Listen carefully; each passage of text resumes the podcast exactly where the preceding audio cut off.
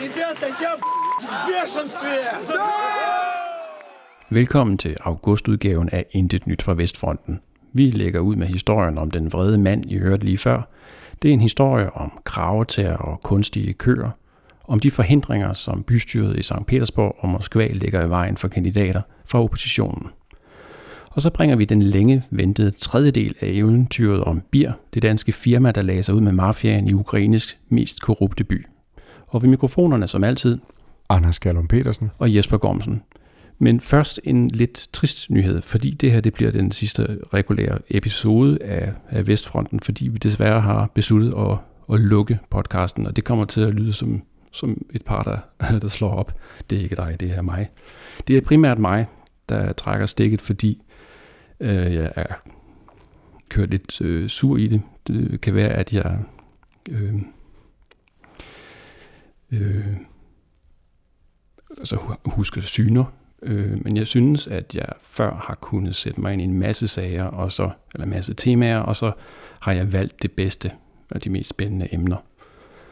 Nu synes jeg, at øh, i det seneste stykke tid, der har jeg kun nået at sætte mig ind i det, jeg så også når at lave et indslag om, og det øh, har gået mig lidt på.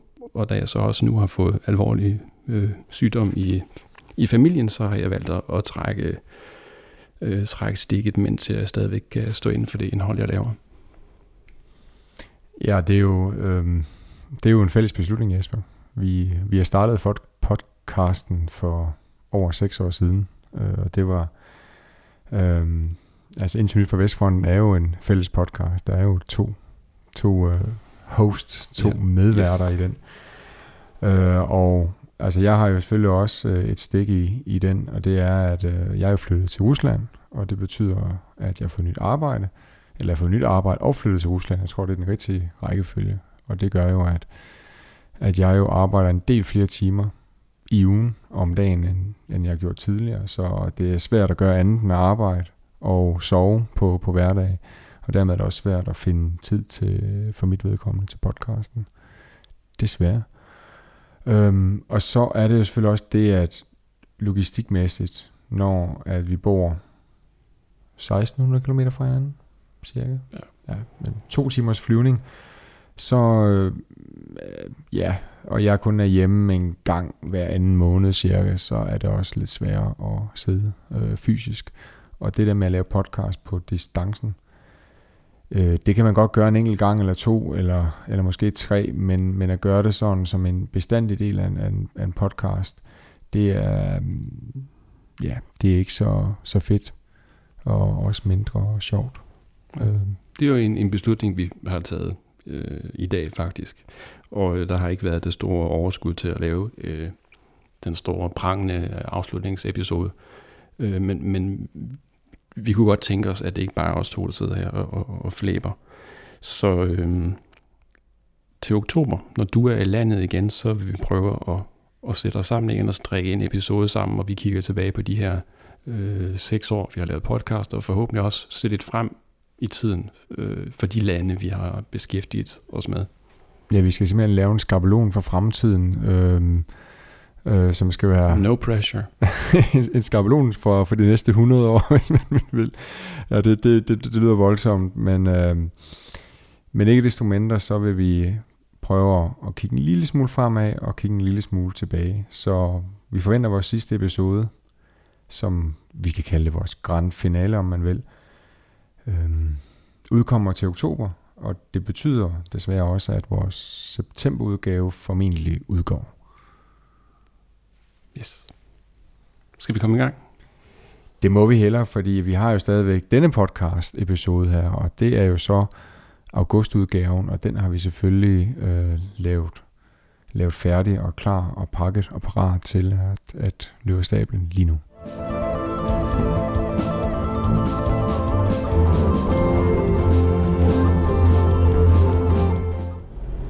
Some tourists often to take a picture near the stone.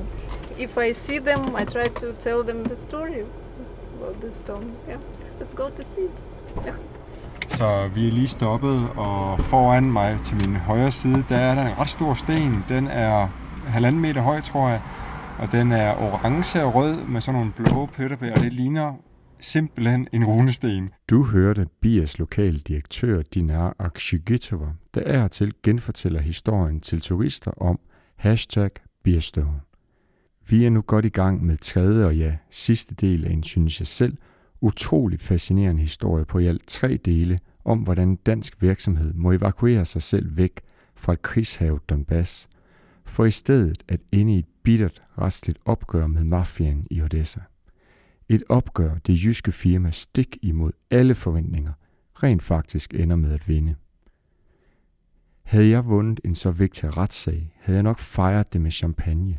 Men firmaet Bier er jo ikke just kendt for sine konventionelle fremgangsmåder. Sæt dig godt til rette, luk øjnene og forestil dig en 6 tons stor, farvelade malet runesten. Lige der midt i Odessas centrum, med havn på den ene side og turistfyldte gader på den anden. Mens dette billede hænger på din indre lystravle, giver jeg ordet tilbage til bestyrelsesformand Thomas Sillesen. Jamen, et eller andet skal man jo smide op, kan man sige. Men, øh, men det var egentlig det var meget sjovt, fordi det startede med, jeg har hus på Bornholm, og mm, 100 meter fra, hvor jeg bor, der øh, har Nationalmuseet sat et skilt op, hvor der står, at man har fundet øh, potteskår fra Ukraine i vikingetiden. Og jeg sidder og tænker, det, det var da egentlig mærkeligt, så jeg er jo ikke, fordi jeg har læst sådan vanvittigt meget historie op om vikingetiden, men så finder jeg jo så ud af, at man ville, i den tid, der sejlede man fra Østersøen gennem floderne forbi Kiev, hele vejen ned til Sorterhavet, og så drejede man til højre, og så sejlede man forbi Odessa, og så sejlede man dybest set til Istanbul for at handle. Og øh, de gamle skrøner siger, at øh, når man kom ned til Sorterhavet og drejede til, til højre mod Odessa, så skulle man altid være klar til at kæmpe. Og det var vi jo også. Og det sjove er, at den eneste runesten, der er fundet i hele Østeuropa, er fundet på en ø, der ligger cirka 40 km fra Odessa, der er her Besseran. Og den der runesten, der er fundet, den står på museum i Odessa. Så man kan sige, der var jo en eller anden vikingetilknytning der, og så... Øh, min, min familie på min mørende sige går faktisk 1000 år tilbage, så det er sådan rimeligt. Så tænkte jeg bare, så havde jeg faktisk mødt for 20 år siden en øh, gut, der hedder Erik den Røde, kaldte vi ham. Han øh, lavede runesten, og han, øh, hvad her det, han, øh, han dengang sagt, at tilbudt mig at lave en runesten, og jeg synes, det, det var mega fedt, så det ville jeg jo gerne have. Men øh, jeg synes også, der skulle være en speciel lejlighed til, så lige pludselig var det bare, ah, jeg får nok ingen anden lejlighed til at rejse en runesten. Så øh, fik jeg fat i Erik, tog og besøgte ham, og så... Øh, har jeg jo snakket med Jonas Esben om det, så, øh, så Erik kan godt lave den. Og vi har altid en reception i juni måned dernede, så siger kan du nå det? Jamen det kunne han godt. Og sådan. så ringer jeg til Jonas og siger, jeg, Jonas, øh, god nyhed, jeg kan godt nå det. Den dårlige nyhed er, at den koster x antal kroner, det er jo rimelig mange penge. Så siger Jonas, ja, men du købte den vel? Ja, okay, det gjorde jeg så, sagde jeg så. og så, så måtte jeg jo lave den der runesten. Og, og den runesten der, er jo, det var lidt sjovt, fordi at, øh, det var den største sten, jeg ikke nogensinde har lavet, og den, nok den næststørste runesten i verden. Der er kun øh, Harald Blåtands øh, runesten i, øh, i Jelling, der er større. Det var jo selvfølgelig et bevidst valg. Vi ville jo ikke lave verdens største, det ville jo være forkert, ikke? Men, øh, men vi var så med til at vælge motivet sammen med Erik. Og den har for det første en inskription, hvor vi øh, hyrer Jonas, Esben og Thomas, hylder de af vores venner, der hjalp os med at dræbe slangen. Og den slange det er jo som metafor for vores modpart, at vi fik ham slagtet godt og grundigt. Og så har den en, øh, en Odins maske på den ene side, som jo dybest set øh, hvad her det er, er lige den øh, Mosgårds, øh, den sten, der er i Aarhus, som han har fundet, der står på Mosgård, hvor der også er en Odins maske på, som man siger beskytter området. Så det er jo selvfølgelig klart, at han beskytter vores område. Og det tredje motiv, det er en slange, der bliver dræbt af en ravn. Og øh, ravnen, det er jo så tilbage fra i vikingtiden, hvor ravnen, der var det øh, krigsfuglen for vikingerne, og hvis øh, ravnen bredte sine vinger, så, øh, så øh, vandt danskerne. Og det, man siger, at øh, Knud den Store, da han kom til England med omkring 400 skibe i 1015 eller 16, så øh, var han sådan lidt optimistisk og kom med et hvidt flag, fordi han ville gerne signalere fred. Han skulle bare besætte landet, de skulle bare i Norden, så det ville de så ikke rigtigt. Og de begyndte så at bekæmpe ham. Og så på magisk vis, så kom der en sort ravn på hans flag, og på magisk vis, så øh, spredte den vingerne, så vidste de jo, at de vandt, og han blev jo også konge over England. Så det var naturligt at vælge ravnen til at slagte den her slange der, så det, det gjorde den. Så der står sådan en øh, runesten i Odessa, omkring 100 meter fra den mest berømte øh, trappe i hele Ukraine. Så det er lidt sjovt. Og den, den satte vi så op i øh, juni i år dernede. Med runestenen som et tungt punktum kunne vi have valgt at slutte den ukrainske eventyrfortælling af. Men et spørgsmål trænger sig på, mens Thomas Sillesens historie fylder rummet i det fyraftensramte elektronikværksted i Esbjergs udkant. Du har hørt historien før, eller måske set den i en krimi. Forestil dig, at du lige har lagt dig ud med Odessas værste mafiaboss. Du har parkeret bilen og er på vej ind i dit lejlighedskompleks efter en ganske triviel arbejdsdag på kontoret. Den tunge opgangsdør smækker hårdt i efter sig. Og mens du venter på elevatoren, hører du en dyb stemme til din venstre side. Добрий вечір. Куди ви поспішаєте? Du vender dig, og i skæret fra den svage elevatorlampe kan du se to mænd i sorte læderjakker. Du mærker, at adrenalin begynder at pumpe rundt i din krop. Spørgsmål, der lurer i mine tanker under interviewet, er selvfølgelig, om Thomas ikke på noget tidspunkt har været bange. Øh, jeg, jeg tror ikke, jeg er klog nok til at være, være bange for det, men jeg tror også, at, øh, at vi har nok været heldige forstået på den måde, at vores sag gik for at være totalt under radaren til at, at blive så stor en sag, at den øh, jo kom på top 3-listen over korruptionssager. På den måde, så øh, er vi nok beskyttet af den presse, der har været, og det larm, der har været. Altså lige pludselig er jeg jo semikendt i Ukraine, ikke? og folk kommer hen til mig på gaden og siger, godt kæmpet og respekt for det, og, og, og det gør jo så også, at, at, at det vil være en skandale, hvis der sker mig noget, ikke? hvor man kunne sige, hvis jeg sådan, det havde været en langsom opbygning, så har de nok nået at tage fat i os, inden det var blevet et stort problem for dem, og sagt, at hvis du fortsætter, så har du et problem, men det, det kunne de jo bare ikke. Det blev så absurd, at på et tidspunkt, jeg tog jo vores modpart ind til et par møder, for ligesom at føle ham på tænderne. Og på et af dem, så fortalte jeg ham netop det her med, at hvis han brød loven det mindste, så ville jeg bare forfølge ham resten af hans liv, nærmest ikke. Og hans, øh, det endte med, at hans advokat faktisk sagde, spurgte mig, om jeg truede ham. Og det må sige, nej, det gør jeg ikke. Jeg fortæller ham bare, hvad konsekvenserne er, at han prøver på at angribe vores virksomhed. Så, så det, det, det, er jo sådan lidt, de var bare ikke vant til den her rimelig kontante øh, gå imod dem, i stedet for, og ligesom man, man lægger sig fladt ned, og man tør, ikke? Så, så nej, jeg har ikke været bange, og øh, jeg har fået at vide, hvor, øh, hvor safe house ligger, hvis jeg, skal, hvis jeg skal væk fra vores kontor i et fart, men jeg har aldrig haft brug for det, og jeg kan ikke forestille mig at have brug for det, øh, men altså, man vil jo selvfølgelig aldrig, altså 7 9 13 kan man sige. Du lyttede til tredje og sidste del i den eventyrlige historie om det danske ingeniørfirma Biers indædte og tidskrævende kamp imod uretfærdighed i Ukraine. En historie, der samtidig også er fortællingen om de store muligheder, der trods alt findes i et Ukraine gennemtaget af korruption. Vi vil gerne takke Biers lokale direktør, Dinar Akshigitova, for med kort varsel at vise os Biers fremtidige Odessa-kontor en varm augustdag sidste år. Og ikke mindst Biers bestyrelsesformand, Thomas Sillesen, for indlevende at fortælle historien om det, der formentlig kun er starten på et langt dansk forretningseventyr i Ukraine.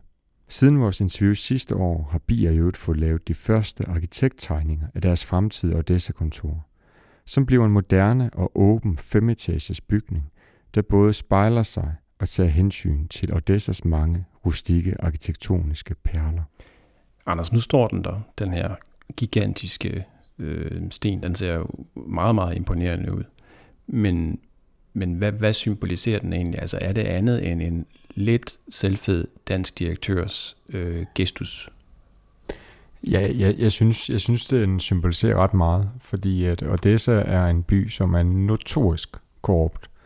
Så der er jo, der er jo noget værdi i at vise, at rent faktisk også i Ukraine kan man vinde en retssag. Det er besværligt, ja. Det har tørret en masse energi for de implicerede parter, specielt i, i ledelsen i det her firma, Bier. det må jeg undskylde. Øhm, så jeg tager lige noget vand, Jesper. Ja, men da vi var der, der kan jeg huske, at øh, Dinata Dinara øh, hun, øh, hun, hun talte om, at der var, havde spredt sig lidt sådan en, altså først var der en undren over den her gale danske direktør og hans, altså det er jo ikke kun ham, det er jo også det er jo hele bestyrelsen, der står bag ham og har valgt ikke at ville finde sig i det. med at der var, havde bredt sig en vis grad af stolthed i øh, blandt medarbejderne over, hvor de, øh, hvor de arbejdede. Øh, men hun sagde jo også, at det er jo en, en øh, rådgiv, rådgivende ingeniørvirksomhed, der er lidt for dyr til Odessa. Øh, det vil sige, de har mange, de har næsten udelukkende udenlandske kunder, og, og de har ikke så meget interaktion øh, med, hvad kan man sige, lokalområdet og, og andre mindre virksomheder. Øh, hvad, tror du, at det alligevel vil få effekt, at de har vundet den her sejr?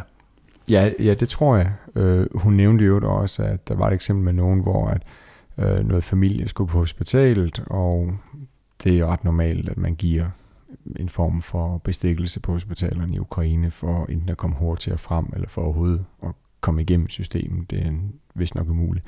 Men der havde de vist nok øh, sådan sagt fra og sagt, jamen det, det er der ingen grund til. Og, øh, og, det var, og det havde de her medarbejdere måske ikke gjort, hvis ikke de havde arbejdet i firmaet som, som bier, fordi at bier er et symbol på, at det kan lade sig gøre, men de er også relativt sort-hvide, fordi at øh, bare der er nogle små ting, som jeg tror, de havde sagsøgt øh, nogle offentlige myndigheder for, jeg tror det var 5 eller, eller, eller 10 euro eller sådan noget. Det var sådan en fuldstændig latterligt lille beløb. Men det, det er princippet i det. Det er princippet i, at, at mange myndighederne bare bliver ved med at øh, og, og, og lave sådan nogle øh, ufine business, kan man sige. Og, og, og det, kan godt være, at i det lange løb, at det får en, øh, en positiv indvirkning på, på ikke kun de mennesker, som arbejder i bier, og ikke kun bier selv, men at det, det også har en indflydelse på bystyret, for eksempel. Bystyret ligger jo ikke andet end 200 meter væk fra deres kommende bygning i øvrigt. Øh, altså deres hovedkvarter, kan man sige. Øh, rådhuset, om man vil. Øhm, så, så og, og på sigt, så vil nogle af de her medarbejdere for bier formentlig forlade bier og arbejde i nogle andre firmaer, måske i lokalområdet, måske andre steder i, i Ukraine. Og så kan man jo håbe, at de vil tage nogle af de her sådan, kvaliteter med sig i deres nye, i deres nye firma. Du fortalte mig, at Bier har vundet en præmie. ja, de har, jeg tror det var flere år i træk, havde de vundet en præmie for at være den mest troværdige eller den bedste skatteyder i Odessa-området. Og så tror jeg sidst, nej undskyld, ja sidste år, der vandt de øh, en, en, øh, en udmærkelse for at være den bedste skatteyder i Ukraine. Det er altså skægt at, at, at udskrive sådan en, eller at uddele sådan en præmie. Jamen, at det, er også... Ikke, det er jo nærmest tragisk, men det er meget interessant, at den findes. Jamen, det er også det, som, som, som Thomas Sillesen, han, han påpeger, det er så ikke kommet med i, i den her interviewrække her, eller de her, sådan, den her programrække, det er, at han, han påpeger, jamen altså, øh, det er jo kuriøst, at man, at man tildeler en pris for noget, man i øvrigt skal ifølge lovgivningen. Vi overholder jo bare lovgivningen, som man siger. Så de får, de får en pris for at overholde lovgivningen. Og det viser jo bare, hvor meget man er vant til ikke at overholde lovgivningen i Ukraine. Det vil sige, sagt på en anden måde, snart sagt alle andre firmaer, de øh, bryder rask væk alle former for lovgivninger i alle mulige henseende. Det kan være alt lige fra brandtilsyn, hvor man måske kommer til at give en skilling til, til inspektøren, til skattelovgivningen, til jamen altså der, der er ingen grænse for, hvordan øh, øh, hvilke former for sindrige korruptionssystemer man har sagt sat op i, i de lande der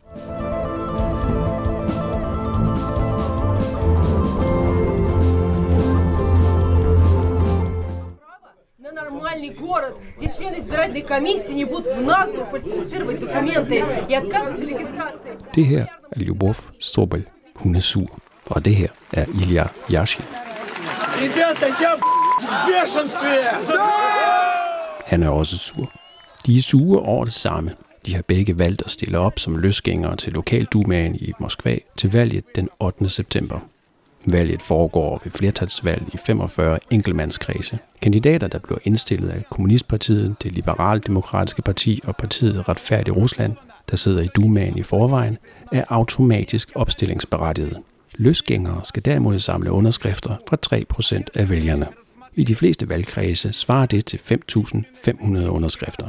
Det gælder også de politikere, der tidligere har været medlem af Ruslands største parti, Forenet Rusland. I St. Petersborg og Moskva er partiet så upopulært, at ingen tør stille op for det. Yashin og Sobel har brugt omkring en måned på at samle underskrifter, hvilket efter deres udsagn har kostet dem omkring 2 millioner rubler eller 200.000 kroner. I en lille meningsmåling med 500 adspurgte stod Yashin til at vinde sin kreds, men den 15. juli fik han afvist sit kandidatur. Dagen efter fik også Sobel et nej. I alt er 57 løsgængere blevet nægtet opstilling. Og nu kommer vi til, hvorfor Yashin og Sobol er sure. Mens næsten alle løsgængere fra Forenet Rusland har fået godkendt deres kandidatur, er næsten alle oppositionskandidater blevet afvist med den begrundelse, at mere end 10 procent af deres underskrifter var ugyldige. I nogle tilfælde har valgkommissionerne hængt sig i petitesser. I andre tilfælde har den decideret forfalsket underskrifter. Det påstår blandt andet det tidligere medlem af statsdumaen Dmitri Gudkov. Han afleverede det krævede antal underskrifter, men fik hele 2.500 underskrifter underkendt. Officielt fordi oplysningerne i 2.000 af dem ikke stemte overens med oplysningerne i hvad der svarer til CPR-registret, og i 500 tilfælde fandt håndskriftseksperter tegn på fusk. Gudkorf har haft adgang til valgkommissionens protokol og lagt afviste underskrifter og begrundelser for afvisninger ud på sin Facebook-profil. Her er mange Volapyk-navne, navne med to faders navne og ingen fornavne. Her er navne med grotesk mange stavefejl. Og så er der de underskrifter, der er blevet afvist, fordi håndskriftseksperter skønner, at underskriften er skrevet med en hånd og datoen med en anden. Flere andre afviste kandidater melder om det samme, og flere rutere, der påstår at have afgivet deres underskrift til en given kandidat, kan ikke finde deres underskrift i valgkommissionens lister. I Ruslands næststørste by, St. Petersborg, skal der også være valg, og her er underskriftsindsamlingen om muligt forløbet endnu mere bizart. Først den 15. juni fandt oppositionens kandidater ud af, at bystyret allerede 11. juni havde åbnet for registrering. Og nu havde de altså ikke 20 dage til at indsamle de nødvendige papirer, men kun 16. Men det var sin sag at få afleveret ansøgninger og underskrifter. Nogle steder nægtede myndighederne at modtage dem, andre steder havde valgkontorene kun åbent få timer om morgenen, og nogle steder var der så lange køer, at oppositionens kandidater ikke kunne komme til. Et sted viste det sig at være meget bredskuldrede mænd fra en lokal brydeklub, der var hyret til at sidde i kø. Et andet sted var det veltrænede kursister fra et militærmedicinsk akademi, der agerede potentielle kandidater. Forarvelsen i liberale kredse i Ruslands to største byer er til at føle på. At hindre folk i at stille op er en direkte overtrædelse af den russiske grundlov, men det afholder tydeligvis hverken lokale embedsmænd eller deres arbejdsgivere. I Moskva har der været flere demonstrationer ved det centrale valgkontor, hver gang med mange hårdhændede anholdelser. Demonstrationerne har imidlertid været små, og meningsmålinger viser, at 89 procent af moskovitterne er ligeglade med valget. Ved sidste valg var valgdeltagelsen kun 30 procent, så bystyret i Moskva skal nok forvalte sit superloyale lokalparlament. Men skulle bystyret få en møjsag på halsen, vil det nok ikke være meget sympati at hente blandt dem, der ikke har stemt, eller blandt dem, hvis foretrukne kandidat er blevet nægtet opstilling. Отходим, отходим, дайте работать, полиция!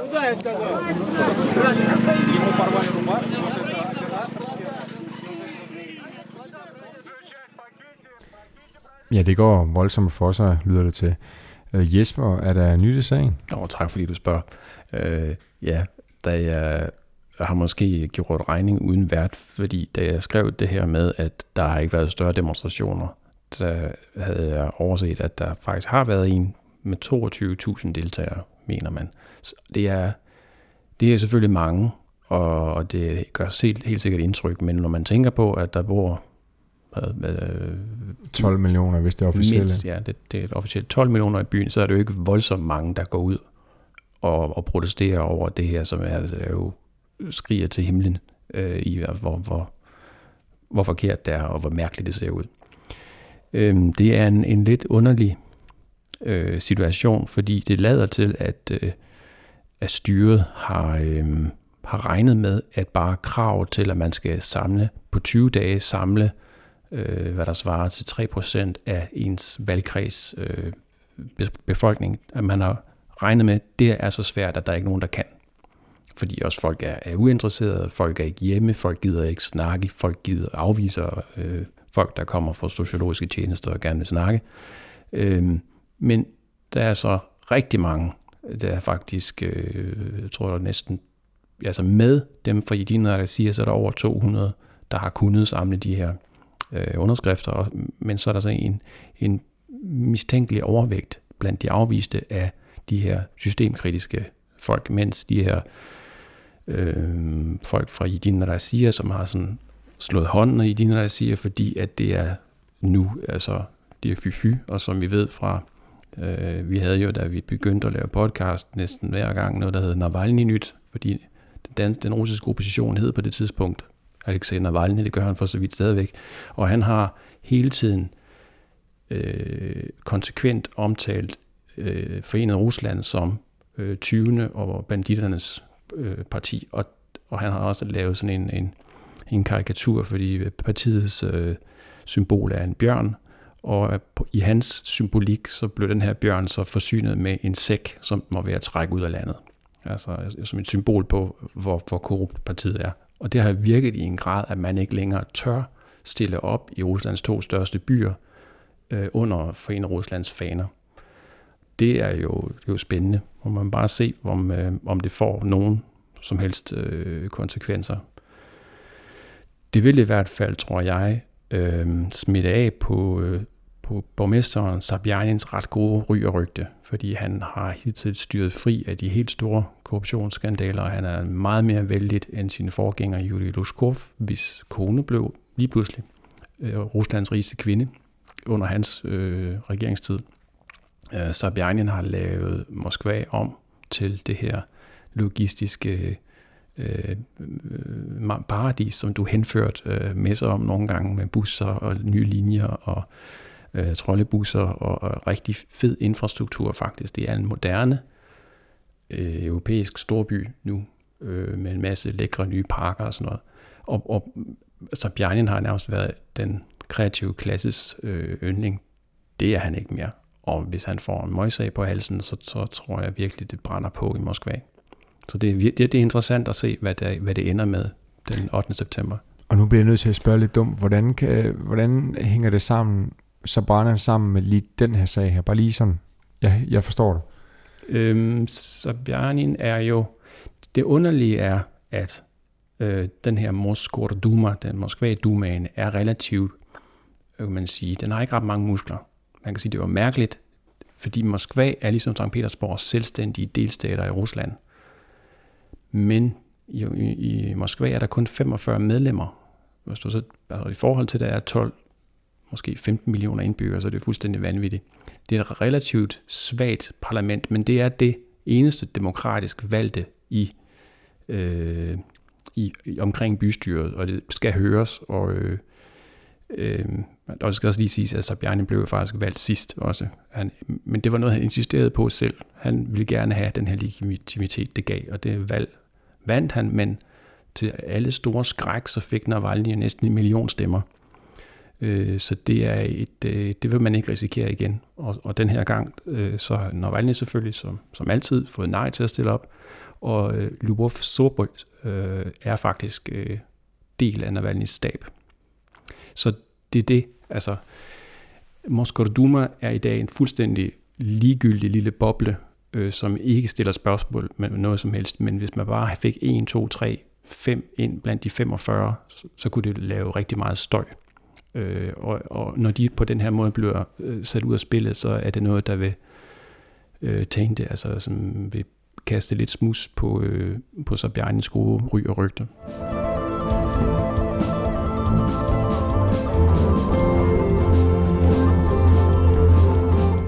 Sidst så lovede jeg, og, øh, at, eller jeg nævnte sidst, at jeg var ved at læse en bog, og jeg lovede, at jeg ville sige et par ord om den.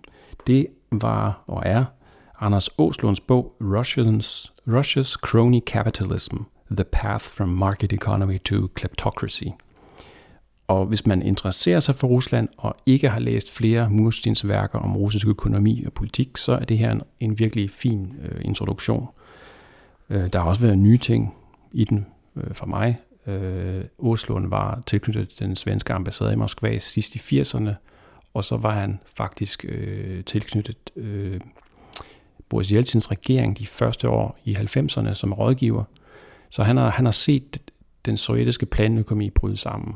Øh, og jeg var faktisk ikke klar over, øh, at det her, den her chokterapi, som man kastede øh, landet ud i, hvor man gik, prøv, forsøgte at overgå til øh, markedsøkonomi på kun 100 dage. Jeg har troet, det var et valg, men øh, ifølge Osloen, så var det noget, man var nødt til, fordi at øh, statskassen, den, altså helt bogstaveligt talt, så fossede pengene ud af statskassen i et omfang, som øh, på en helt anden omfang, end når, øh, når øh, Anders Fogh talte om det for, for 10-15 år siden. Øhm, så det var simpelthen et, et, et desperat forsøg på at kickstarte noget, der kunne ligne en øh, markedsøkonomi. Noget andet, der har været nyt for mig, eller som jeg i hvert fald har fået repeteret, det er, at der er en række kæmpe store statslige virksomheder. Der er en bank, der hedder VTB, øh, Rosneft, Rostec og Gazprom. Øhm, og hvad jeg ikke vidste, det er, at det juridisk set er NGO'er. De er opbygget med deres egne der er faktisk vedtaget specielle love for at kunne oprette dem. Øhm, det er gigantiske statsforetagender, og de er mere eller mindre etableret af meget, meget ambitiøse mennesker, som sjovt nok også er Putins nære venner. Øhm, og de sidder fast klæbet til deres taburetter, til trods for, at de indkasserer det ene dårlige regnskab efter det andet, fordi det er, øh, der, de går efter at være de største, øh, og det er nærmest en, en, en halv man sige, ligesom en økonomisk tænkning som i renaissancen, at man, man tænker, at vi skal have et statsligt monopol på det her, og på det her, og på det her. Og det er så gralt, at, øh, at, at øh, Oslund snakker om, hvad han kalder value destruction. De her virksomheder ødelægger værdi. De, de, de skaber ikke værdi. De er altså langt, langt mindre værd end deres konkurrenter, altså lige så store konkurrenter i, øh, i USA og i, i Saudi-Arabien og andre steder. Men altså, hvis man har læst en rigtig masse bøger om, om Rusland, så synes jeg ikke, at, at Anders Åslunds bog er en, øh, et must. Øh, faktisk så blev jeg lidt skuffet. Det er dumt, fordi jeg kunne jo bare have, have læst titlen to gange. Den hedder From Market Economy to Kleptocracy, og i der, der ligger der en dom. Altså, hans konklusion er, at det er et kleptokrati, og at øh, Putin er ikke nævnt i øh, overskriften, men bag titlen, så, så ser man så Putins portræt, og jeg synes, at han knytter øh, Ruslands øh, skæbne lidt for tæt sammen med Putin, som om at Putin havde en vilje om at, at skabe det her Rusland, vi ser i dag, da han kom til magten for 20 år siden. Øh, synes lidt, at han, han øh, mangler at beskrive, hvorfor Putin havde mulighed for at komme til magten, og hvorfor han har haft mulighed for at holde sig ved magten. Og det er men det er måske for meget at forlange, når man som Urestorn har det her meget, meget økonomiske fokus.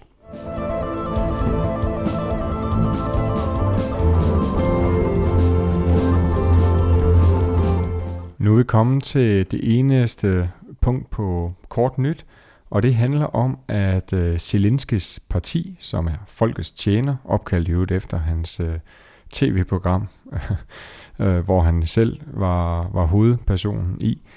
Men øh, de har jo... Hvor han som, spillede præsident. Undskyld? Hvor han jo spillede præsident. Hvor han spillede præsident. Så man kan sige, at han har lidt erhvervserfaring. Han, han, har, han har erhvervserfaring. Men det er der rigtig, rigtig mange af hans medlemmer i det parti, som han har været, øh, som hedder det samme som hans tv-program i øvrigt, som hedder Folkets Tjener som ikke har. De har simpelthen, hvad skal vi sige, de har almindelig erhvervserfaring. Øh, det er komikere, skolelærer, skuespillere. Ja, der er sågar en bryllupsfotograf, som er blandt øh, de medlemmer, der er blevet valgt til øh, Folketinget, eller det, der svarer til Folketinget i Ukraine på deres parlament. Og de har jo som bekendt fået et komfortabelt øh, flertal, så over 200, så folk, partiet Folkets Tjener har valgt, at deres over 250 valgte medlemmer – de øh, skal en tur på skolebænken. Um, så man har simpelthen aftalt med Kiev School of Economics, at de skal på en uge, alle sammen, i slutningen af juli eller her til sommer, på en uges kursus, øh, efter, jeg tror det universitetet siger, at det er en, efter Harvard University-modellen, så de vil få nogle kurser i offentlig forvaltning, makroøkonomi og budgetlægning, og også sektorøkonomi. Og det er selvfølgelig med henblik på, at de her sådan, nyudklækkede og bliver der joket med, grønne medlemmer, og det skal lige siges, at øh, Zelensky betyder mere eller mindre grøn på, på russisk, og deres partifarve er også grøn, så det er relativt grønne medlemmer. Det her. Er de også unge? Øh, mange af dem er relativt unge, ja, fordi der, der står jo på nyhederne, at man basalt set har smidt en gamle garde på, på pension mere eller mindre. Der er selvfølgelig stadig en, en del. Det, det andet største parti, som kom ind i parlamentet, øh, det var jo rent faktisk øh, det, der tidligere hed regionernes parti. Nu har de, for Gud ved mange gange, skiftet navn. Øh, så de hedder vist For Life nu, tror jeg nok, hvis man oversætter til dansk. Øh, Mm. Sajitja på ukrainsk, tror jeg, det hedder. Okay. Og, øh, men det er basalt set øh, resterne af Jan- Janukovits gamle parti, og de er faktisk blevet det andet største parti i, i parlamentet. Øh, om, om de får en tur på øh, Kiev School of Economics, det vil jeg dog tvivle på. Øh, men alt det her med henblik på, at folket, tje- folkets tjeners nye øh, Verhoeven Numerater, medlemmer, at de får, har mulighed for at blive forberedt på at, øh, at forstå og stille lovforslag. lovforslag. Om økonomi.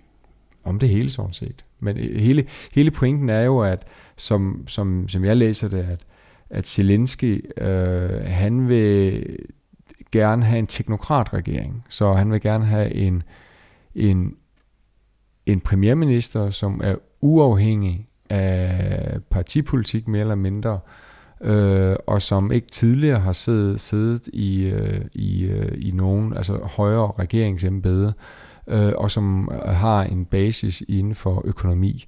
Så det er, det er formentlig det, vi kommer til at se øh, fra den ukrainske regering i, i den kommende tid. Men nu må vi se, fordi de er jo ikke helt færdige med at, med at danne alle koalitionerne og partistrukturen og sådan noget. Og det skal lige siges, at medlemmerne er heller ikke startet på arbejdet endnu. Det kommer til at, til at ske. Hvor mange procent øh, fik øh, Zelenskis parti?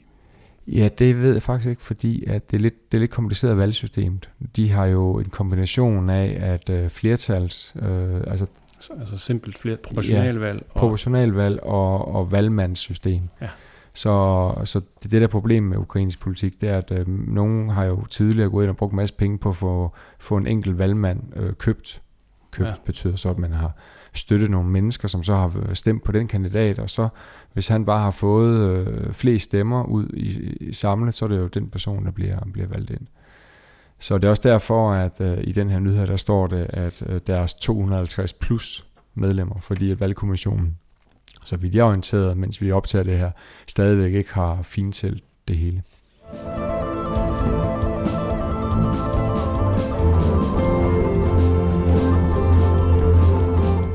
Men så er vi jo ved at nå til vejs ende af, ja, den anden sidste udgave af Internet for Vestfronten. Øhm, Skal vi drikke gravøl? Nej, det synes jeg egentlig ikke, vi skal, men vi skal i hvert fald åbne en øl, som vi, vi plejer. Så nu vil jeg lige lægge hovedtelefonerne, så jeg går op og i køleskabet og hente den øl. Og Okay, og sikker- så skal jeg prøve at holde den med pinlig tavshed stangen så længe. Ja, det plejer du at gøre rimelig godt. Så. Okay, tak. Ja, øh, mens Anders øh, leder efter den der øl, som vist nok er en form for mjød, så øh, sidder jeg og tænker på, hvad det siger om et, et stort parti, som har fået næsten flertallet i et parlament, at det bliver sendt på økonomisk øh, efteruddannelse. Det er et meget, meget nyt parti, øh, og ikke baseret på, hvad kan man sige, på... Øh, mm, på nogen samfundsgruppe eller på noget specielt ideologisk øh, fundament. Det er dybest set øh, en, en bevægelse, der, der bakker op omkring øh, den siddende præsident Zelensky, og muligvis støttet af, øh, af oligarken Karamoyski. Er det korrekt? Jo, øh, og det, øh, ja, det bliver jo svært at bevise, må man sige. Ja. Altså, de kender jo hinanden, det er 100% sikkert, og hvor meget de taler sammen, det, ja, hvis man spørger begge to, så kommer de jo alle sammen, altså de begge to med en slags afvisende kommentar. Ja. Men det er i hvert fald øh, værd at bemærke, at Holomoyski er flyttet tilbage til Ukraine, efter at han har været, øh, jeg tror det er fem år i eksil øh, uden, for, uden, uden for Ukraine. Okay. i, jeg har hørt kommentatorer sige, at det måske er meget godt, at, at Zelenskis parti ikke har fået øh, det absolute flertal i radagen. Øh, ja, det er fuldstændig gennemsigtigt der. Hvis det er Mittervucher, så skal det nok passe. Men det, det, det sjove er, at hvis det er metavucher, så vil jeg da mene, at der skulle være mere end 4% alkohol i. Ja, Mittervucher er det russiske ord for, for mjød. Men det her, det ligner mere øh, en form for limonade. Og øh, på flasken, der står der den det er. Faxe-Kondi. Ja, det ligner lidt. På flasken, der står der øh, den gale honning. Og det er lavet på noget, der hedder Volkovskaya Bryggeriet. Og som så, jeg så det på et eller andet sted, der stod, at det var, ja, det kreative laboratorium. Volkovskaya Bryggeriet. Ja, og jeg vil sige, at øh, de der sådan, bjørne, der er på, de vil ikke bestå Disney-testen. De er både fulde og Meget Ser sig lidt som- og, ja, og sådan, som, som tosset. ja, og så det, den ene er faktisk en gris, og har drukket sig øh, meget, meget fuld. Det må man sige. Og der står her, det er den, øh, den forkerte den forkerte honning. Ja. Så, men skal vi, øh, skal vi prøve det? Lad os det. Skål. Skål.